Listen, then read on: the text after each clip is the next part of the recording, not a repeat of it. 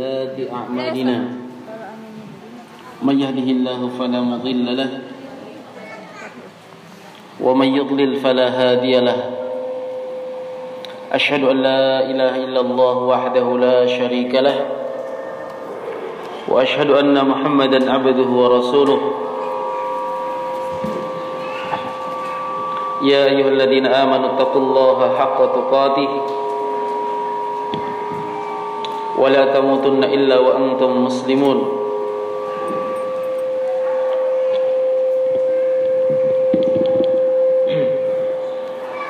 يا أيها الناس اتقوا ربكم الذي خلقكم من نفس واحدة وخلق منها زوجها وبث منهما رجالا كثيرا ونساء.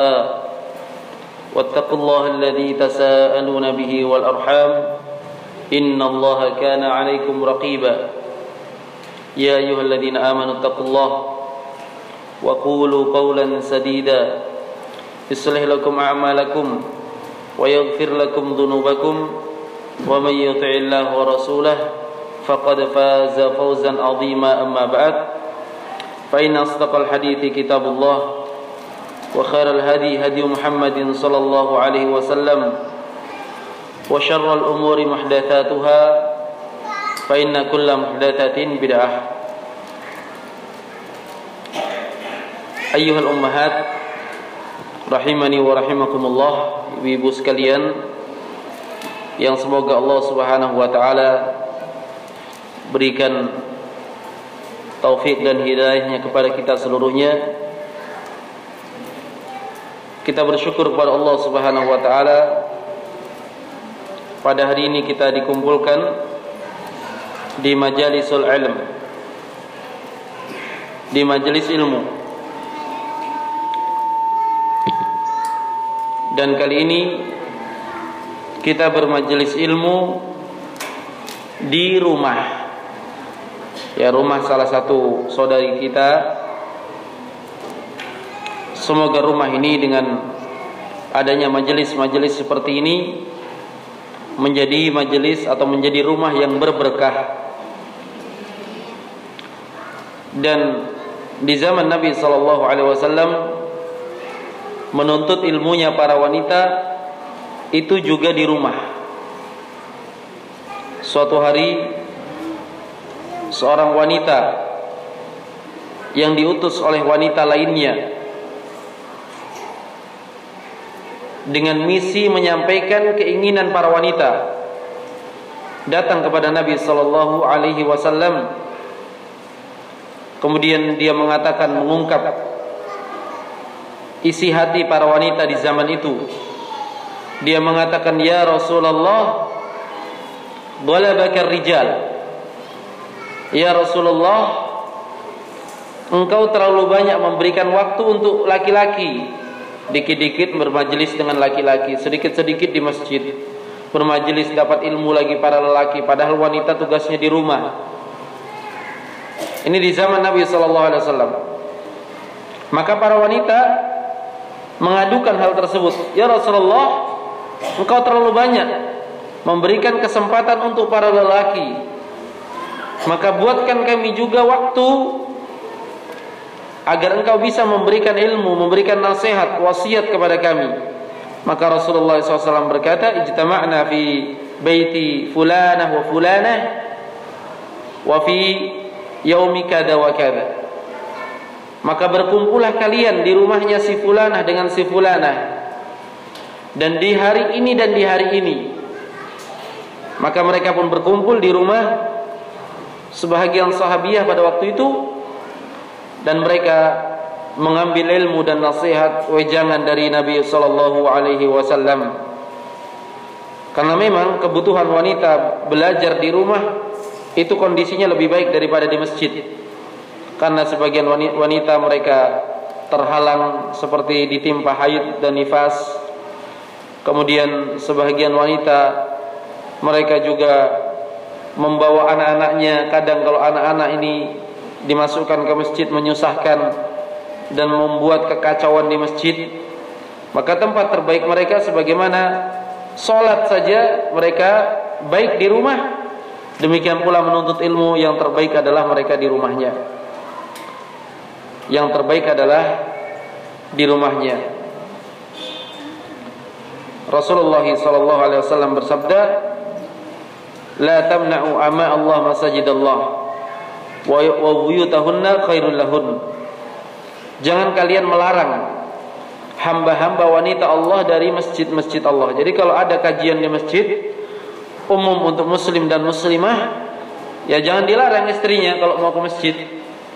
Namun wa buyutahunna khairul lahun. Rumah-rumah mereka itu lebih baik bagi mereka. Ayuhal akhwat rahimani wa rahimakumullah dan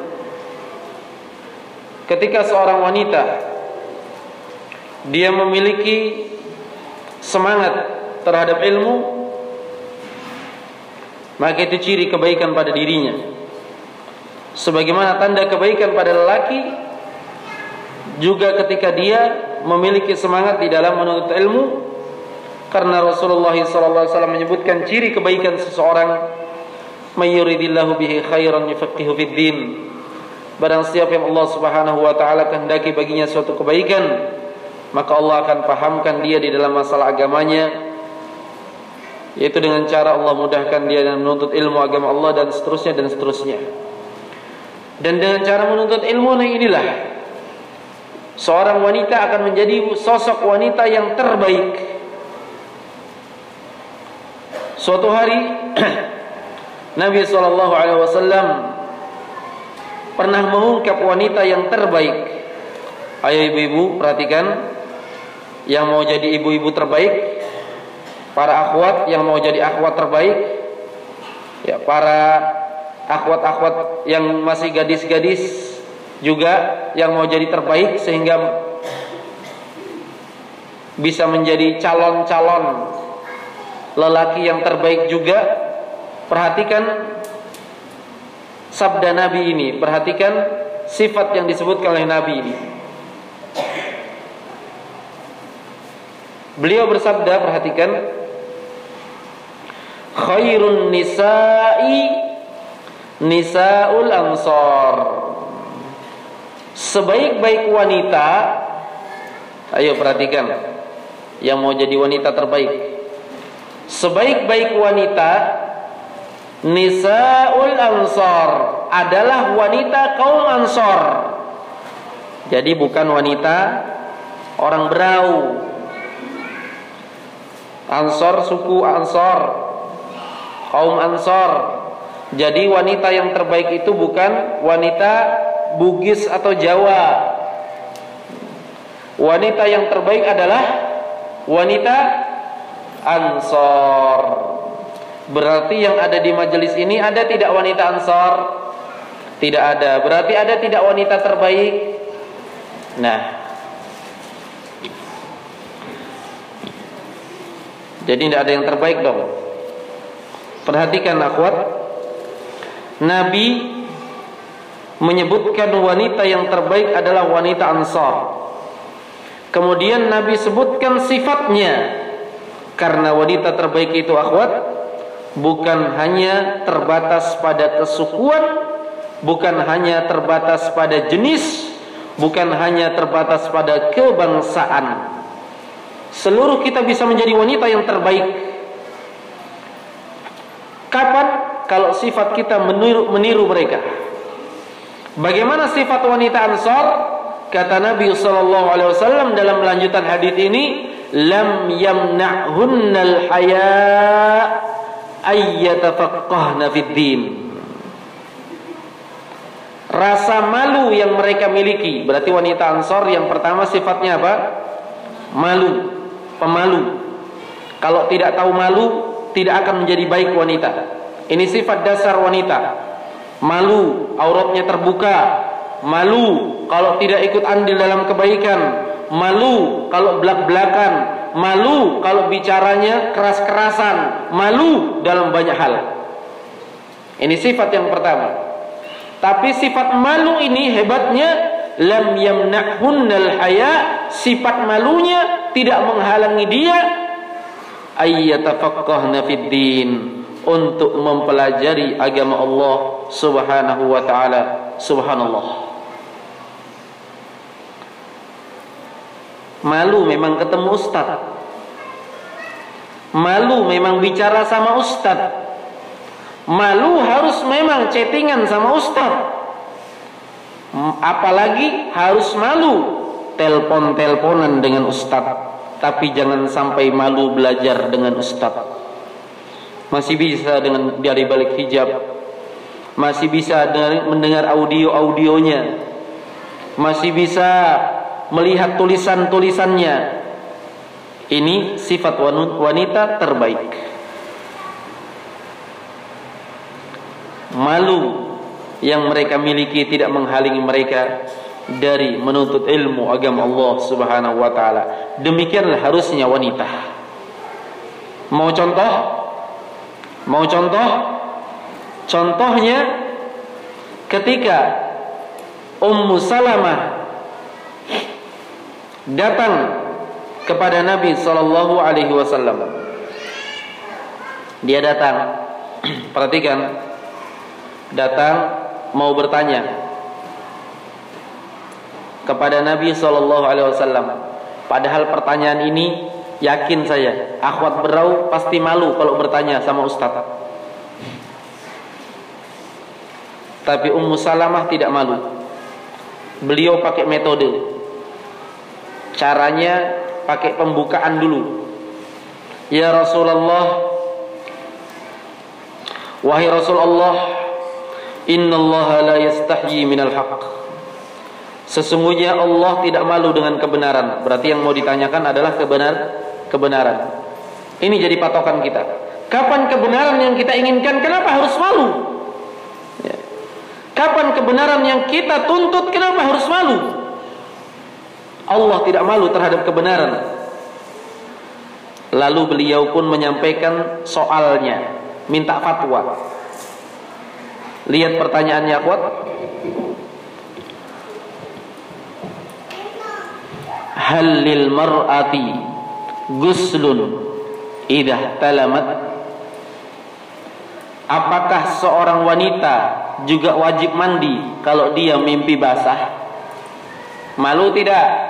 Kalau ada akhwat tanya sama ustaz, ustaz, bagaimana kalau ada akhwat mimpi basah, wajib tidak mandi? Ai, pasti malu itu. Karena masalah mendalam. Tapi Ummu Salamah ungkap di hadapan Nabi. Karena ilmu. Orang yang malu bertanya terhadap ilmu, dia akan tidak bisa mengamalkan ilmu itu. Bagaimana kalau tidak tahu wajib mandi atau tidak? Maka Nabi sallallahu alaihi wasallam pun menjawab, "Na'am, iya, wajib tetap baginya mandi idza ra'atil ma kalau dia lihat air." Maksudnya air atau cairan mani. Ya. Dia lihat karena dalam sebuah hadis Nabi sallallahu alaihi wasallam bersabda, "Innamal ma' minal ma' air itu hanya diwajibkan kalau ada air. Maksudnya wajib mandi kalau lihat air. Kalau mimpi tapi tidak basah ternyata bangun tidak ada air, tidak ada cairan, maka tidak wajib mandi. Tapi bukan ini pembahasan atau pokok pembahasan kita. Ini masalah fikih.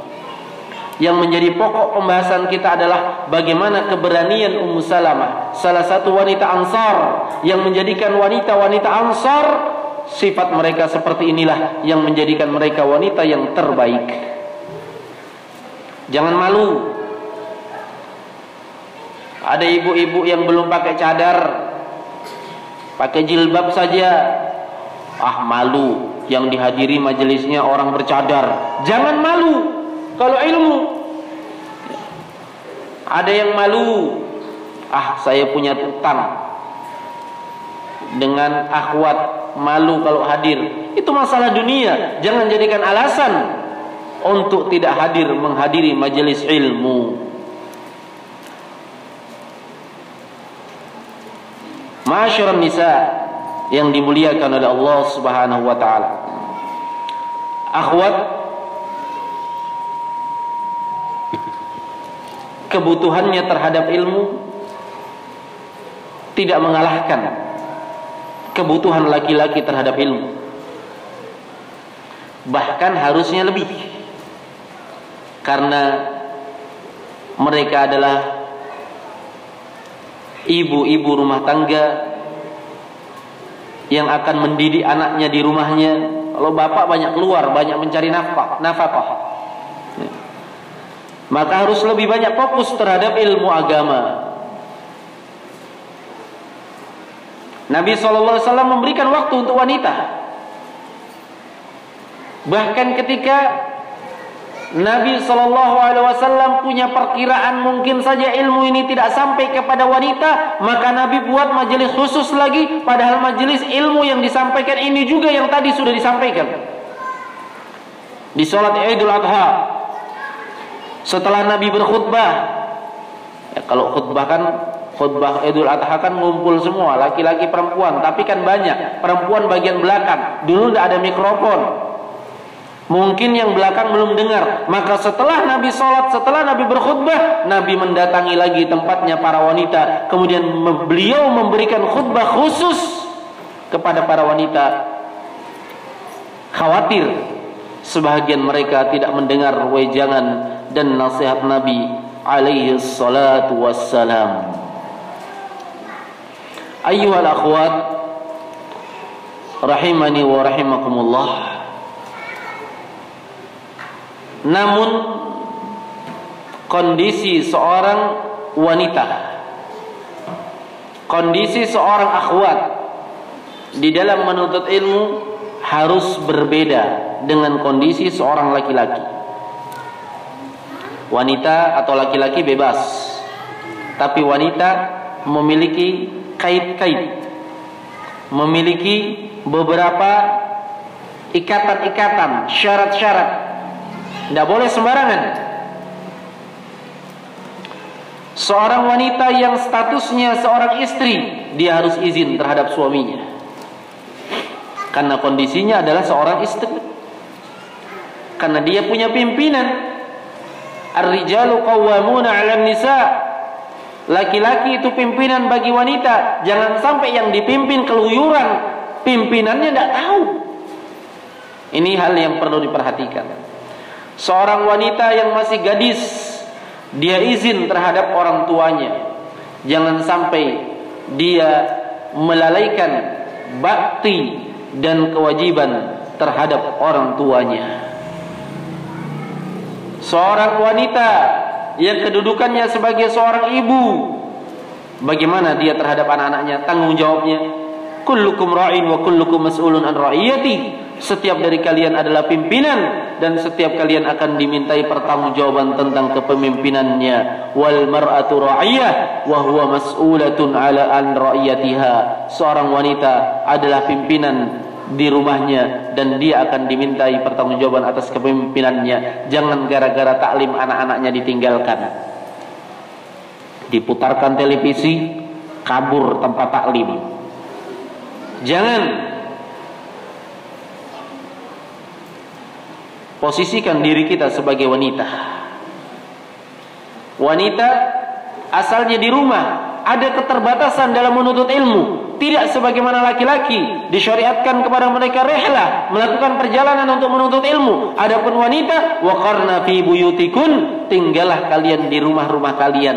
Jangan sampai melakukan perjalanan jauh tanpa mahram dengan alasan menuntut ilmu ikut tablik akbar, ikut daurah, ikut kajian dan semisalnya dan semisalnya. Jaga batasan-batasan ini. Menuntut ilmu penting, tetapi ada batasan-batasannya bagi seorang wanita.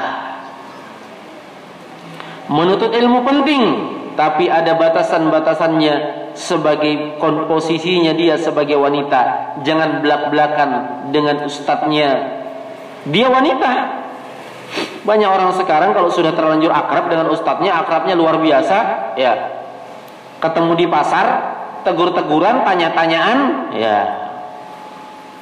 Sekalian saja tanya maharnya nanti. Tidak seperti itu caranya. Turun ayat hijab. Di masa Nabi sallallahu alaihi wasallam. Dan turun ayat wa idza sa'altumuhunna mata'an fas'aluhum min min wara'i hijab. Turun ayat wa idza sa'altumuhunna jika kalian wahai para sahabat memiliki keperluan memiliki ke kebutuhan. Maka minta dari balik hijab tanya dari balik hijab. Padahal kurang apa kesucian istri Nabi? Kurang apa penjagaan istri Nabi? Sucinya hati Aisyah radhiyallahu taala anha, sucinya hati Zainab, sucinya hati Hafsah, sucinya hati sahabiah-sahabiah lainnya dan istri-istri Nabi lainnya. Ternyata bersama dengan itu disuruh di balik hijab. Kita baru istrinya ustaz. Ya. Ini hal yang perlu berhati-hati. Apalagi sekarang bukan ustaz kebanyakan, tapi ustaz ya ya ustaz ustasan sekarang banyak orang jadi ustaz banyak orang jadi ustazah gurunya adalah mbah Google bikin grup sendiri. Pemostingnya Ustadz Fulan dia ambil faidahnya dari ustadz-ustadz yang terpercaya tapi dihapus namanya. Ya tinggal ganti ustad banyak-banyak sebar faidah tulis namanya dia kan jadi ustad ya. sekarang gampang sekali jadi ustad ya. padahal seorang itu kewajibannya keharusannya mendalami terlebih dahulu ilmu demikian pula wanita wanita tidak boleh kalah wanita tidak boleh kalah wanita dalam menuntut ilmu tidak boleh kalah dengan laki-laki. Banyak dia bisa gunakan sarana-sarana yang ada. Dia bisa dengarkan melalui audio kalau tidak bisa ke tempat yang jauh dia gunakan artikel-artikel yang ada dia gunakan live, dia gunakan subhanallah. Anugerah dari Allah Subhanahu wa taala dibukakan dengan selebar-lebarnya. Nah, ada sisi tanya jawab enggak ini?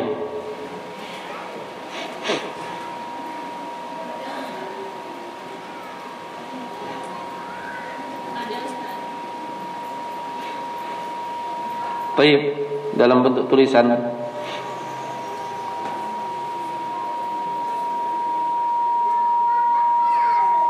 disiapkan. Taib kita lanjutkan akhwat. Ya, sambil menyiapkan yang ingin bertanya silahkan ditulis dengan rapi. Iya. E, dan jelas kalau bisa singkat supaya tidak bertele-tele di dalam menjawab. Taib, kita lanjutkan.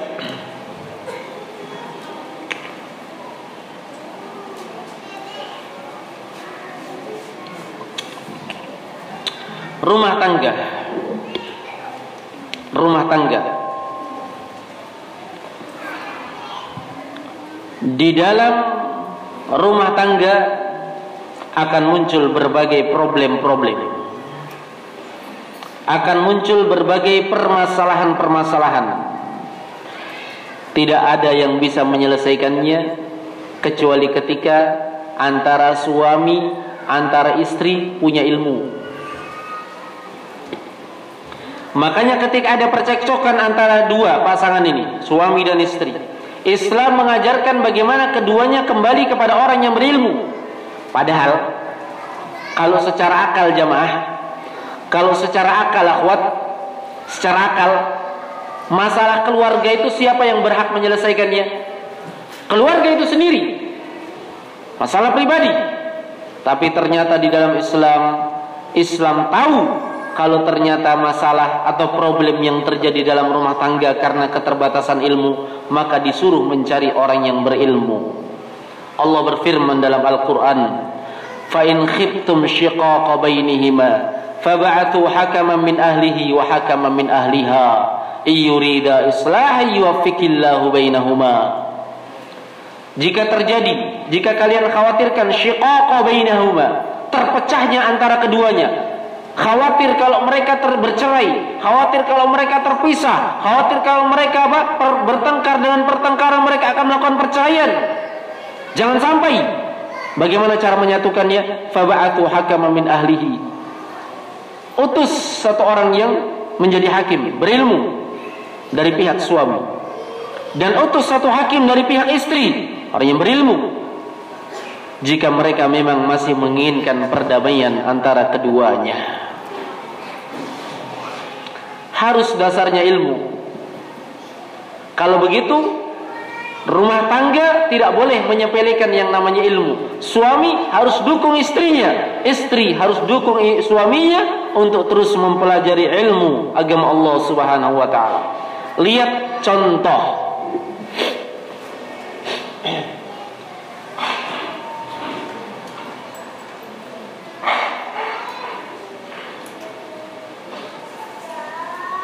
Contoh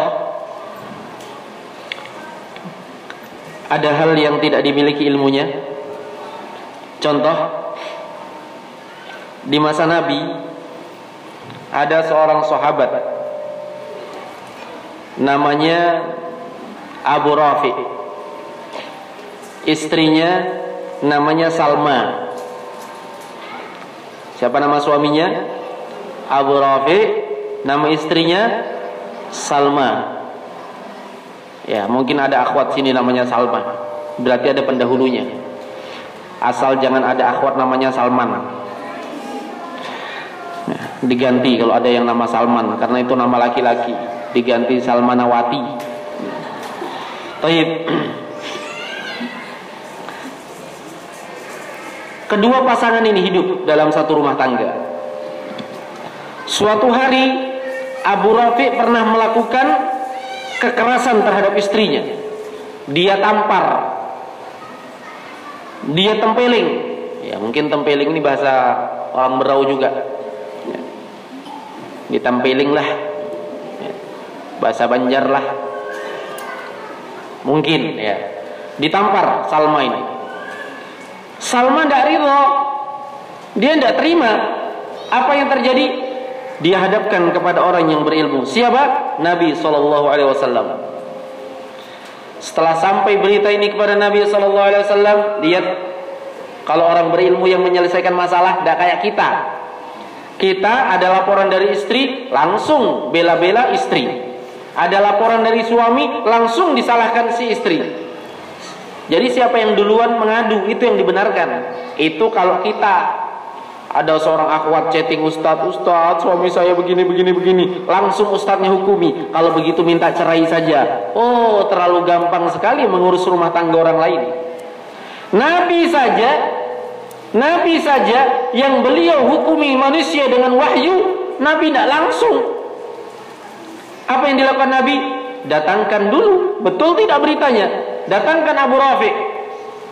Dua-duanya berhadapan dengan Nabi. Pas di hadapan Nabi, Nabi tanya Abu Rafi, "Ya Abu Rafi, wahai Abu Rafi, kenapa kamu menampar si Salma?"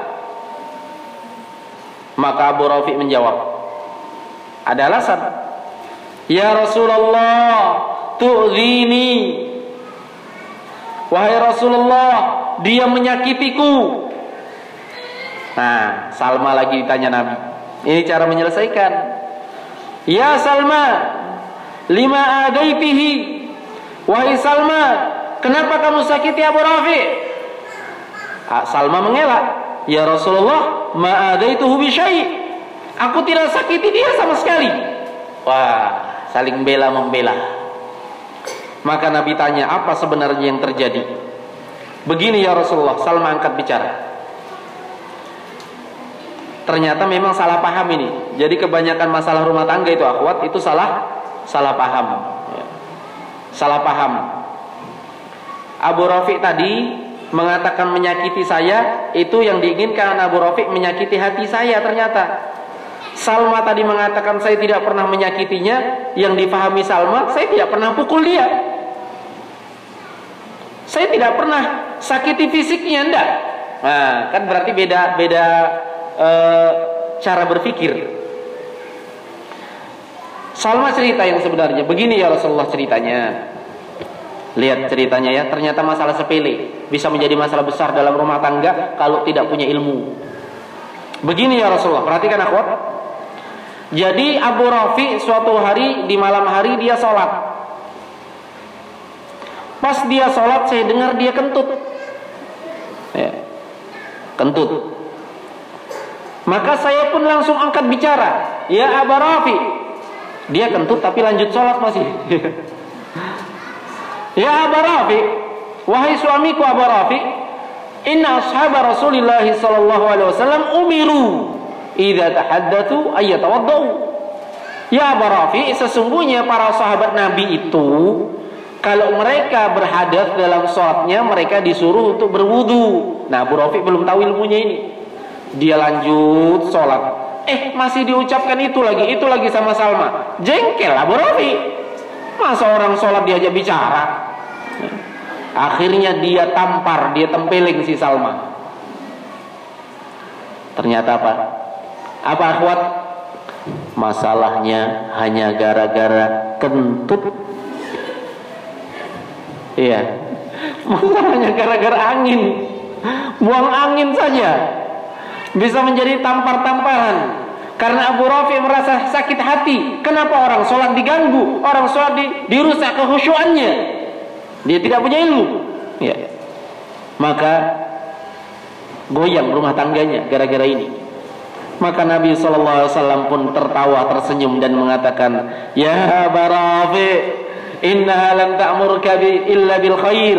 Sesungguhnya si Salma tadi itu tidaklah menyuruh kamu kecuali dengan kebaikan. Cocok sudah. Ya. Tidak salah itu. Ya. Cuma kamu yang tidak punya ilmu. Ya. Kamu yang tidak punya ilmu. Ini satu contoh. Kalau rumah tangga tidak punya ilmu, ya makanya si istri harus punya ilmu. Bagaimana cara menegur suami? Si suami juga harus punya ilmu. Bagaimana mengatasi si istri? Terjadi kesalahpahaman kalau tidak. Mau cerita lain? Dalam rumah tangga, kalau kurang ilmu, ceritanya seorang sahabat bernama Uthman bin Mad'un Siapa namanya? Uthman bin Mad'un. Uthman bin Mad'un ini luar biasa ibadahnya. Salat malamnya kalau malam salat, kalau siang puasa luar biasa zikirnya, tasbihnya, tahmidnya, takbirnya luar biasa, sedekahnya, oh luar biasa ibadahnya. Ya, tapi kalau orang banyak ibadah juga ya, kalau tidak punya ilmu ya kadang salah juga. Suatu hari istrinya Utsman kumpul-kumpul ya seperti kita sekarang kumpul-kumpul. Kebetulan di situ ada Aisyah radhiyallahu taala Dan istrinya si Utsman ini datangnya terlambat. Datang. Ini siapa akhwat yang terlambat ini? Jangan sampai yang terlambat ini seperti istrinya Utsman modelnya nanti.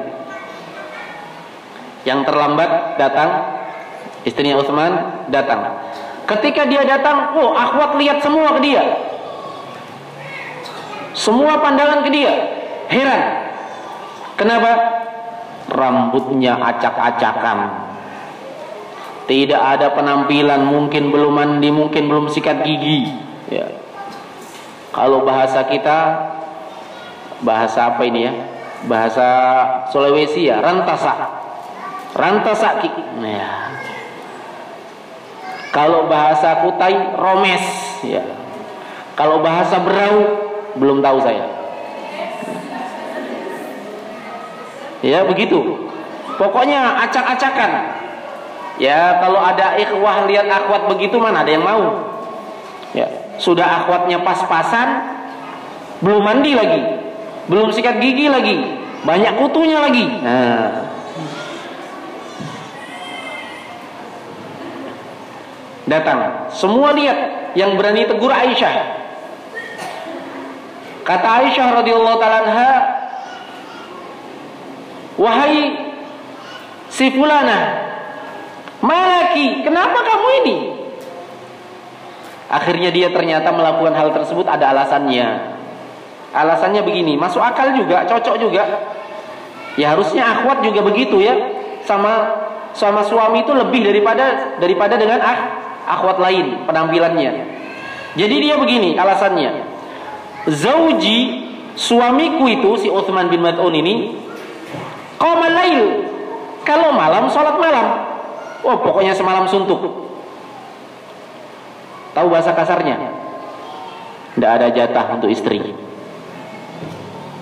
Semalam suntuk tidak boleh diganggu. Sholat. Wayasumun nahar dan puasa di siang hari. Kalau puasa artinya apa?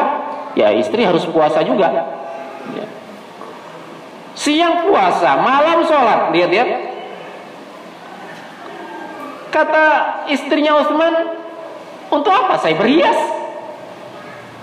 Untuk apa saya mandi? Kalau tidak dipegang juga, ya. Tidak ada guna kan? Kalau sama suami begitu saja begitu, masa sama akhwat tampilnya lebih bagus? Kan tidak. Ya.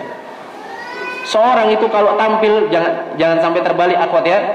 Jangan sampai tampil di hadapan akhwat lainnya Masya Allah Luar biasa cantiknya Dandanannya Ininya Ternyata di rumah sama suaminya Cuma pakai sarung doang. Dasternya sepekan tidak diganti-ganti. Nah, Hati-hati. Ini Pelajaran untuk yang belum Yang masih jomblo dan juga sekaligus um, apa namanya muhasabah introspeksi bagi yang sudah-sudah. Ya ganti-gantilah sarungnya. Jangan pakai sarung. Pakai pakaian tidur yang bagus kalau mau tidur. Ya kan begitu harusnya. Jangan sampai penampilan kita di hadapan akhwat lebih daripada penampilan kita di hadapan suami. Jadi Utsman uh, istrinya Utsman itu alasannya maka yang seperti ini dihadapkan kepada Nabi Shallallahu Alaihi Wasallam. Utsmannya dipanggil lagi, dipanggil. Rasulullah SAW langsung memberikan teguran, Ya Utsman. Lihat ya. Uh, sebelum saya lanjutkan, tadi masalah cerita yang pertama tadi yang salah si istri atau si suami? Si suami. Karena kebodohan di dalam rumah tangga. Yang disalahkan Nabi siapa? Si suami. Ya. Kalau yang kedua yang disalahkan Nabi siapa? Si suami juga menunjukkan bahwasanya seorang hakim, seorang ustadz kalau mau ikut di dalam menyelesaikan masalah rumah tangga, betul-betul dia lihat siapa yang salah, jangan istri terus yang disalahkan. Ini kebanyakan ini semua disalahkan ke istri kalau kalau zaman sekarang yang saya tahu. Kenapa lingkup bicaranya istri kan lebih sempit? Oh bicara ke mana-mana itu suaminya dijelekkan ke mana-mana istrinya. Akhirnya kasihan suaminya. Kalau cerai gampang cepat dapat lagi. Istrinya dijelekkan ke mana-mana Tidak laku-laku akhirnya. Ya. kan? Tidak boleh seperti itu. Harus adil di dalam mensikapi sesuatu. Laki-laki yang salah suami disalahkan. Istri yang salah istri yang disalahkan. Dijatuhkan hukuman padanya. Kembali kepada kisah Uthman bin Mas'ud Uthman yang disalahkan Nabi. Nabi mengatakan, "Ya Uthman, wahai Uthman, inna rahbadiyah laisa fi kitabina." Wahai Uthman, sikap rohbaniyah beramal tanpa ilmu, banyak banyak ibadah tanpa ilmu, itu tidak ada di dalam ajaran kita. Itu di zaman orang Nasoro itu. Rohib-rohib itu ibadah aja urusannya, meninggalkan kewajiban, ibadah aja, meninggalkan ilmu, ibadah saja, meninggalkan anak dan istri. Itu di zaman dulu rohib namanya. Tahu rohib? Ahli ibadah di zaman dulu. Banyak aturannya, tidak boleh makan yang mengalirkan darah, tidak boleh makan daging, tidak boleh makan kambing, tidak boleh makan ayam. Jadi, yang makan makanan kangkung. Kalau sekarang mungkin tahu tempe paling enak, ibadah saja. Tidak ada itu di zaman kita. Tidak ada itu dalam syariat Islam. Diberikan ilmu oleh Nabi SAW. Kemudian Nabi SAW mengatakan, Inna linafsika alaika haqqa, wa li zawjika alaika haqqa, wa li ahlika alaika haqqa, fa'ati kulladhi haqqin haqqa.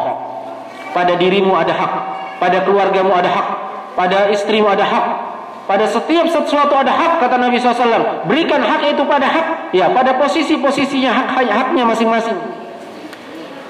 Maka kewajiban seorang istri mempelajari haknya sebagai istri. Seorang suami mempelajari haknya sebagai seorang suami. Dia berikan hak istrinya. Dia berikan hak suaminya. Ya. Dengan ilmu. Seorang yang tidak memiliki ilmu. Seorang yang tidak memiliki landasan ilmu rusak. Rusak keluarganya. Tidak akan berhasil keturunannya. Tidak akan baik rumah tangganya. Oleh sebab itu, wanita memiliki peran yang sangat penting di dalam rumah tangga, maka dia harus memiliki peran yang penting pula di dalam masalah menuntut ilmunya. Nah, saya kira cukup. Mudah-mudahan bermanfaat dan waktu yang ada insya Allah kita uh, akan berikan kesempatan untuk tanya jawab. Silakan pertanyaan disodorkan melalui kertas.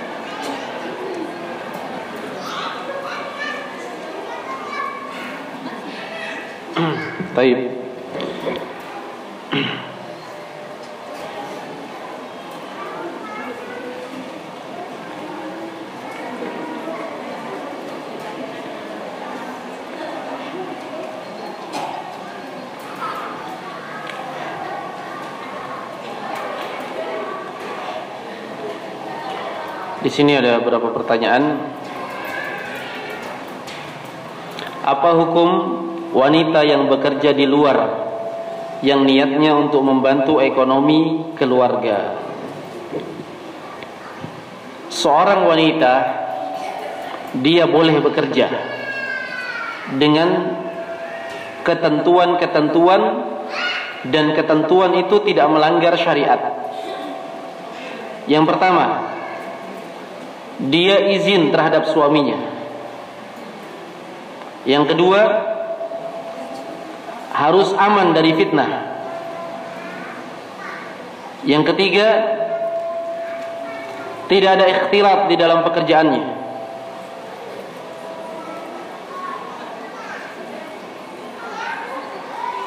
Tidak ada campur baur antara laki-laki dan perempuan. Nah, kemudian di antara syarat yang lain dia bisa menjaga dirinya.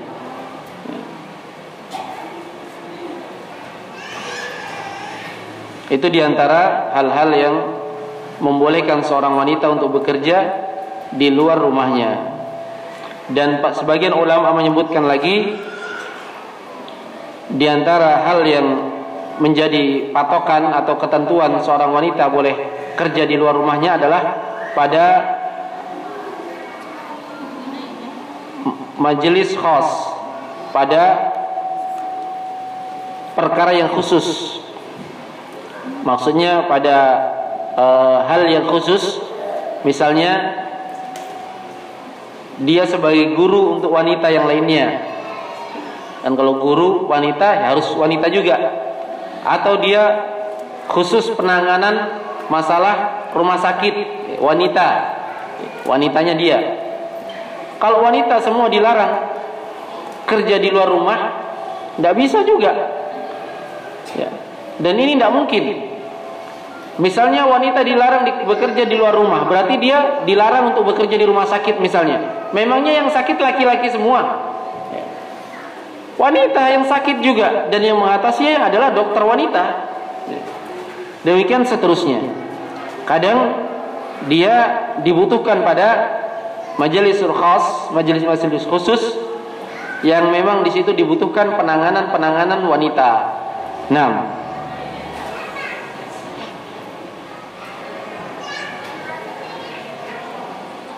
cuma pakaian dijaga.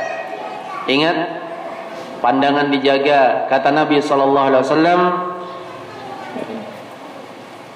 al mar'atu aurah idza kharajat istashrafaha syaitan wanita itu aurat jika dia, keluar maka syaitan akan menghias-hiasinya yakin sejelek apa pun wanita kalau dia keluar dilihat laki-laki dari belakang misalnya dilihat laki-laki kelihatan indah juga karena syaitan menghias-hiasinya walaupun ternyata ketika dia balik ompong.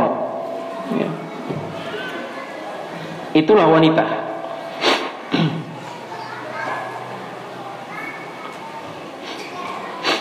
Bagaimana cara membantu suami dalam berbakti kepada orang tuanya Sedangkan orang tuanya jauh Tempat tinggalnya beda daerah Ya berbakti itu tidak harus dengan menghidangkan makanan Menghidangkan minuman Tidak ya kalau dia jauh dia bisa berbakti sering menelpon itu berbakti sudah menanyakan kabarnya. Ya.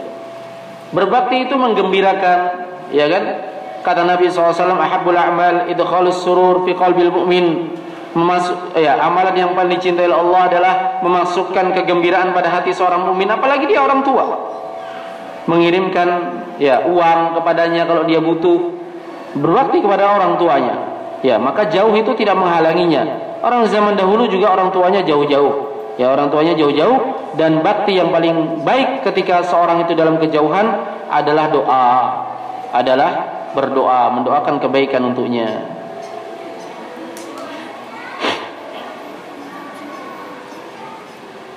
Bagaimana cara menghindari jabatan tangan dengan non mahram tanpa ada ketersinggungan? Ya, diusahakan dengan sekuat tenaga saja. Difahamkan. Misalnya dengan cara memberikan isyarat kalau kita tidak jabat tangan. Misalnya tangan kita sudah kita angkat duluan sebelum sampai dia ya. Dan kalau dia masih tersinggung ya kita kokoh di atas syariat Islam kita sabar berada di atasnya tidak ada jalan lain harus tetap komitmen di atas agama Allah, dia tersinggung, maka berarti bukan kita yang bermasalah, tapi hatinya yang bermasalah. Memang harus tersinggung. Dakwah itu menyinggung. Kalau dia tidak tersinggung, kapan pahamnya? Ya.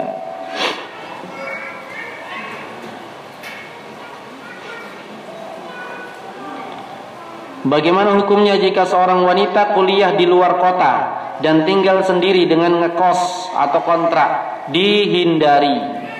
Walaupun dari sisi safar dia bukan masuk safar. Jadi dia diantarkan keluar kota itu sampai di sana ditemani dia selama empat hari. dia menetap di sana tiga hari misalnya, maka dia dinamakan sudah mukim. Yang penting perjalanannya ditemani oleh mahramnya. Nah, insya Allah tidak mengapa jika itu aman dari fitnah, namun dikhawatirkan yang seperti ini dia e, bahaya ya. Banyak fitnah yang akan muncul, maka sebaiknya tidak.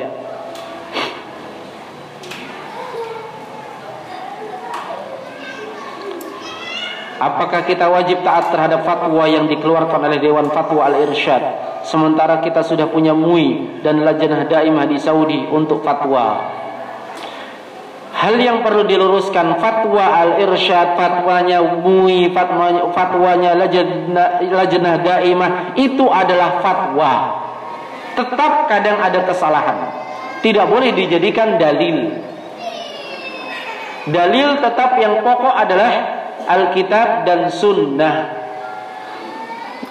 Maka kalau ada Dewan Fatwa dari Al-Irsyad yang lebih bercocokan dengan Dewan Fatwa MUI, itu yang diikuti. Yang mana yang bercocokan dengan syariat? Ya. Yang mana yang bercocokan dengan syariat? Lajnah Daimah hanyalah kumpulan para ulama, kadang diselisih oleh ulama yang lainnya. Kita ambil yang paling kita anggap bercocokan dengan dalil. Nah,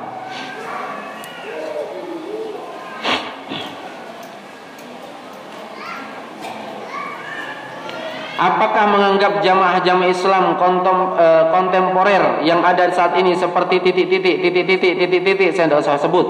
Ya, banyak jamaah, tidak usah disebut satu-satu seperti ini. Ya.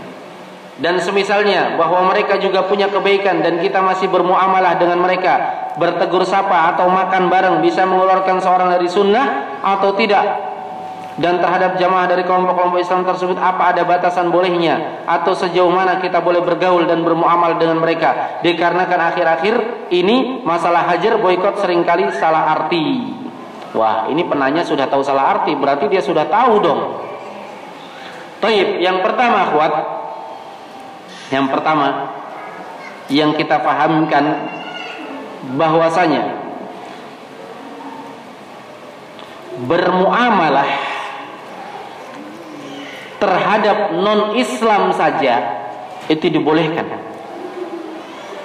Yang dilarang adalah bermualah.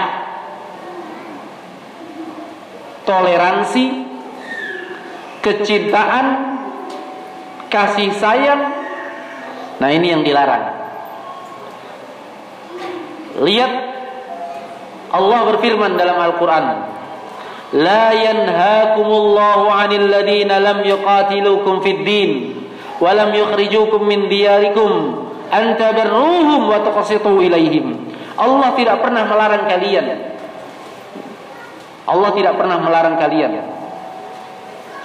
terhadap orang-orang yang tidak memerangi kalian padahal dia kafir tapi tidak memerangi kalian untuk berbuat baik kepada mereka dan untuk berbuat adil kepada mereka Terus yang dilarang oleh Allah apa? Innama yanhakumullahu 'anil ladzina qatalakum fid qatalukum fid din wa akhrajukum min diyarikum an. Lihat kalimatnya. Allah melarang untuk kita berwala kepada mereka. Bedakan antara wala hubungan yang didasari cinta dari dalam hati dengan perbuatan baik. Kalau perbuatan baik, Bu, itu bisa dalam bentuk kita beri mereka jalan kote seperti antuna di sini siapkan saya jalan kote di sini. Itu berbuat baik. Ya. berbuat baik ini kadang menjadikan takliful kulub orang bisa senang dengan kita. Orang kafir kita baiki. Mudah-mudahan dia dapat hidayah. Ya. Kalau ya Nabi saja bermuamalah dengan orang Yahudi. Nabi gadaikan. Ya, pakaian perangnya apalagi cuma dengan kelompok kelompok kelompok. Boleh. Tetapi dengan batasan muamalah duniawi kalau sudah masalah bantu membantu dalam masalah agama itu namanya sudah mualah yang terlarang.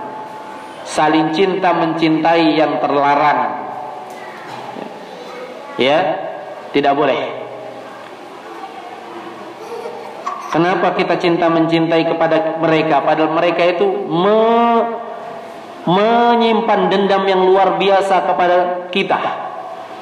Waddu law takfuruna kama kafaru fatakununa sawa'a. Mereka orang kafir itu menginginkan, sangat ingin, sangat bersikeras kalian bisa kafir sebagaimana mereka juga kafir.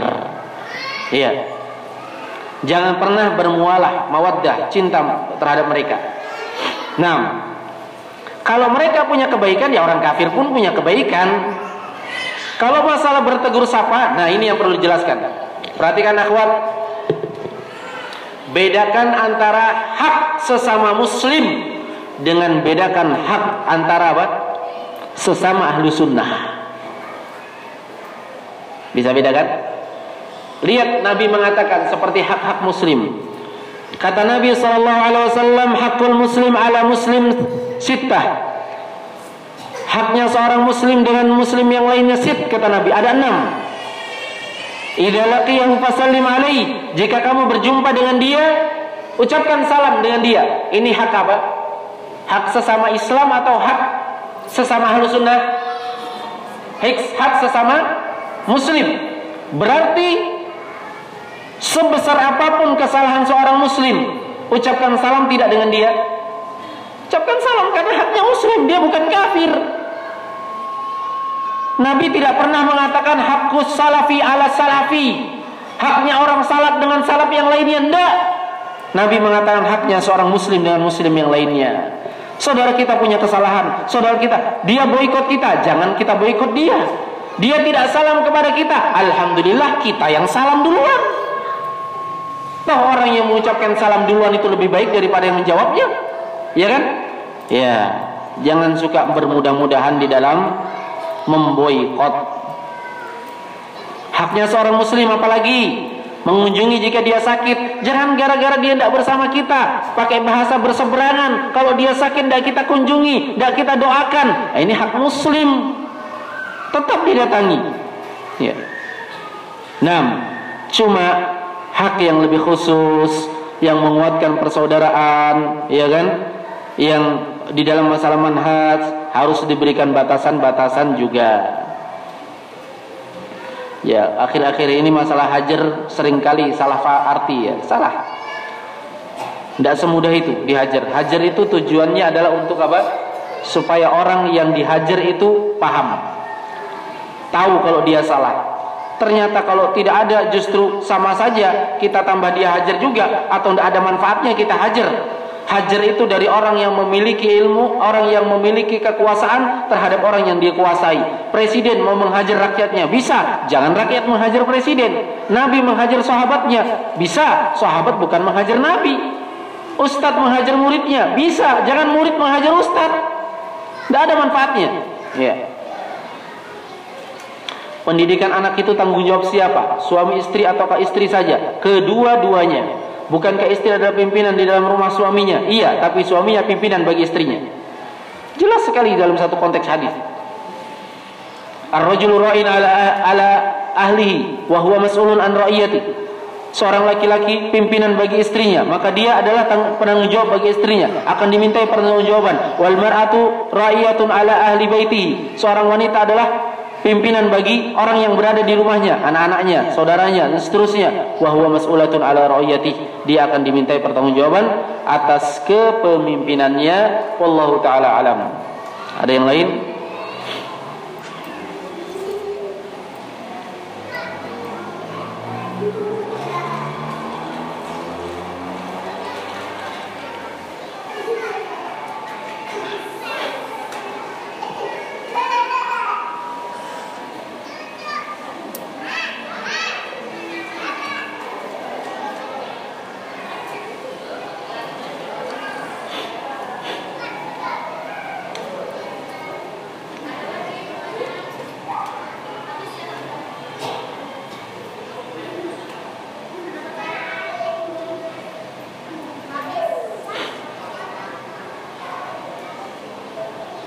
Jika sudah tidak ada kita cukupkan ya. Sampai di sini apa yang benar datangnya dari Allah Subhanahu wa taala dan yang salah itu dari kekurangan diri kami, kekurangan ilmu kami. Mudah-mudahan Allah menambahkan ilmu kepada kita dan mengampuni dosa-dosa kita. Subhanakallahumma bihamdik asyhadu an la ilaha illa anta astaghfiruka wa atubu والحمد لله رب العالمين. السلام عليكم ورحمة الله وبركاته.